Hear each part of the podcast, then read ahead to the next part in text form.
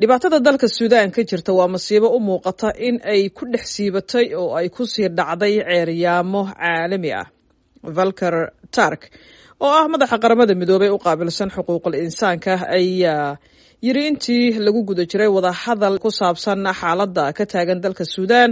oo ka dhacday golaha xuquuqda aadanaha ee qaramada midoobey maalintii jimcaha teerka ayaa waxa uu soo bandhigay qiimeyn ba'an oo mugdi ah oo lagu sameeyey nolosha suudaan ka jirta tan iyo markii ay iska hor yimaadeen generaalada ciidamada qalabka sida ee suudaan iyo xogaga taageerada deg dega ah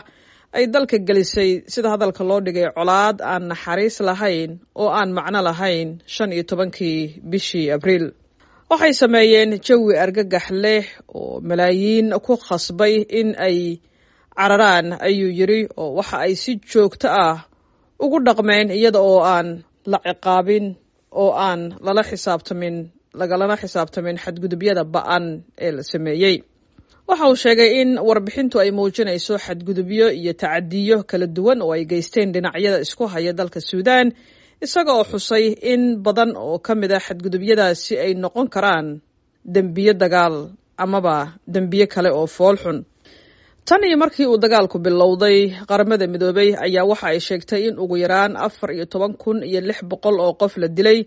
lix iyo labaatan kun oo kalena lagu dhaawacay. Hay'adda qaramada midoobey u qaabilsan qaxootiga u n h c r ayaa ku waramaysa in dagaalka uu xididada u siibay sideed dhibic hal milyan oo qof lix dhibic saddex milyan oo gudaha dalka suudaana iyo hal dhibic sideed milyan oo qaxooti ah oo ku nool shan waddan oo dariska ah taas oo ka dhigaysa suudaan. Dhibaatada barakaca ugu weyn ee adduunka. Suudaan waxa ay maanta wajahaysaa mid ka mid ah dhibaatooyinka bini-aadminimo ee ugu xun adduunka taasoo ay sabab u tahay iska horimaadka hubaysan ee bilowday shan iyo tobankii abriil. Ayay tiri hana serwa tete oo ah ergeyga gaarka ah ee qaramada midoobay u qaabilsan geeska afrika iyada oo raacisay siddeed iyo toban milyan oo qof ayaa wajahaya gaajo daran. Shan iyo labaatan milyanna waxay u baahan yihiin gargaar bini-aadminimo. Dadka reer suudaan ayaa qaba dhibaatada ugu weyn ee iska horimaadka udubdhexaadka u ah militariga iyo hay'adaha amniga taasoo ah mid u dhexaysa ciidamada qalabka sida ee dalka suudaan iyo xoogaga taageerada deg dega ah ayay tiri madaxa sare ee tark ayaa sheegay in dagaalka ka socda dalka suudaan aan lagu qaadin oo keliya diyaaradaha dagaalka kuwa aan duuliyaha lahayn taangiyada iyo hubka kale ee culus. Rabshadaha xagga galmada oo ah hub dagaal oo uu ku jiro kufsigu waxa ay ahayd sifo amaba ficil qeexan oo la quursado ee dhibaatadan tan iyo bilowgii ayuu yiri isaga oo hoosta ka xariiqay in xafiiskiisa uu diiwaan geliyey lixdan dhacdo oo rabshado galmo ah oo la xiriira colaadda. Oo ay ku lug leeyihiin ugu yaraan boqol iyo labaatan dhibanayaal oo guud ahaan dalka gudihiisa ah oo u badan haween iyo gabdho. Tirooyinkani waxa ay si murugo leh u muujinayaan xaqiiqda dhabta ah ragga ku labisan dareeska amaba labiska r s f ta iyo rag hubaysan oo xiriir la leh r s f ayaa la sheegay inay mas'uul ka ahaayeen koob iyo siddeetan boqolkiiba shilalka la diiwaan geliyey ayuu yidhi tark.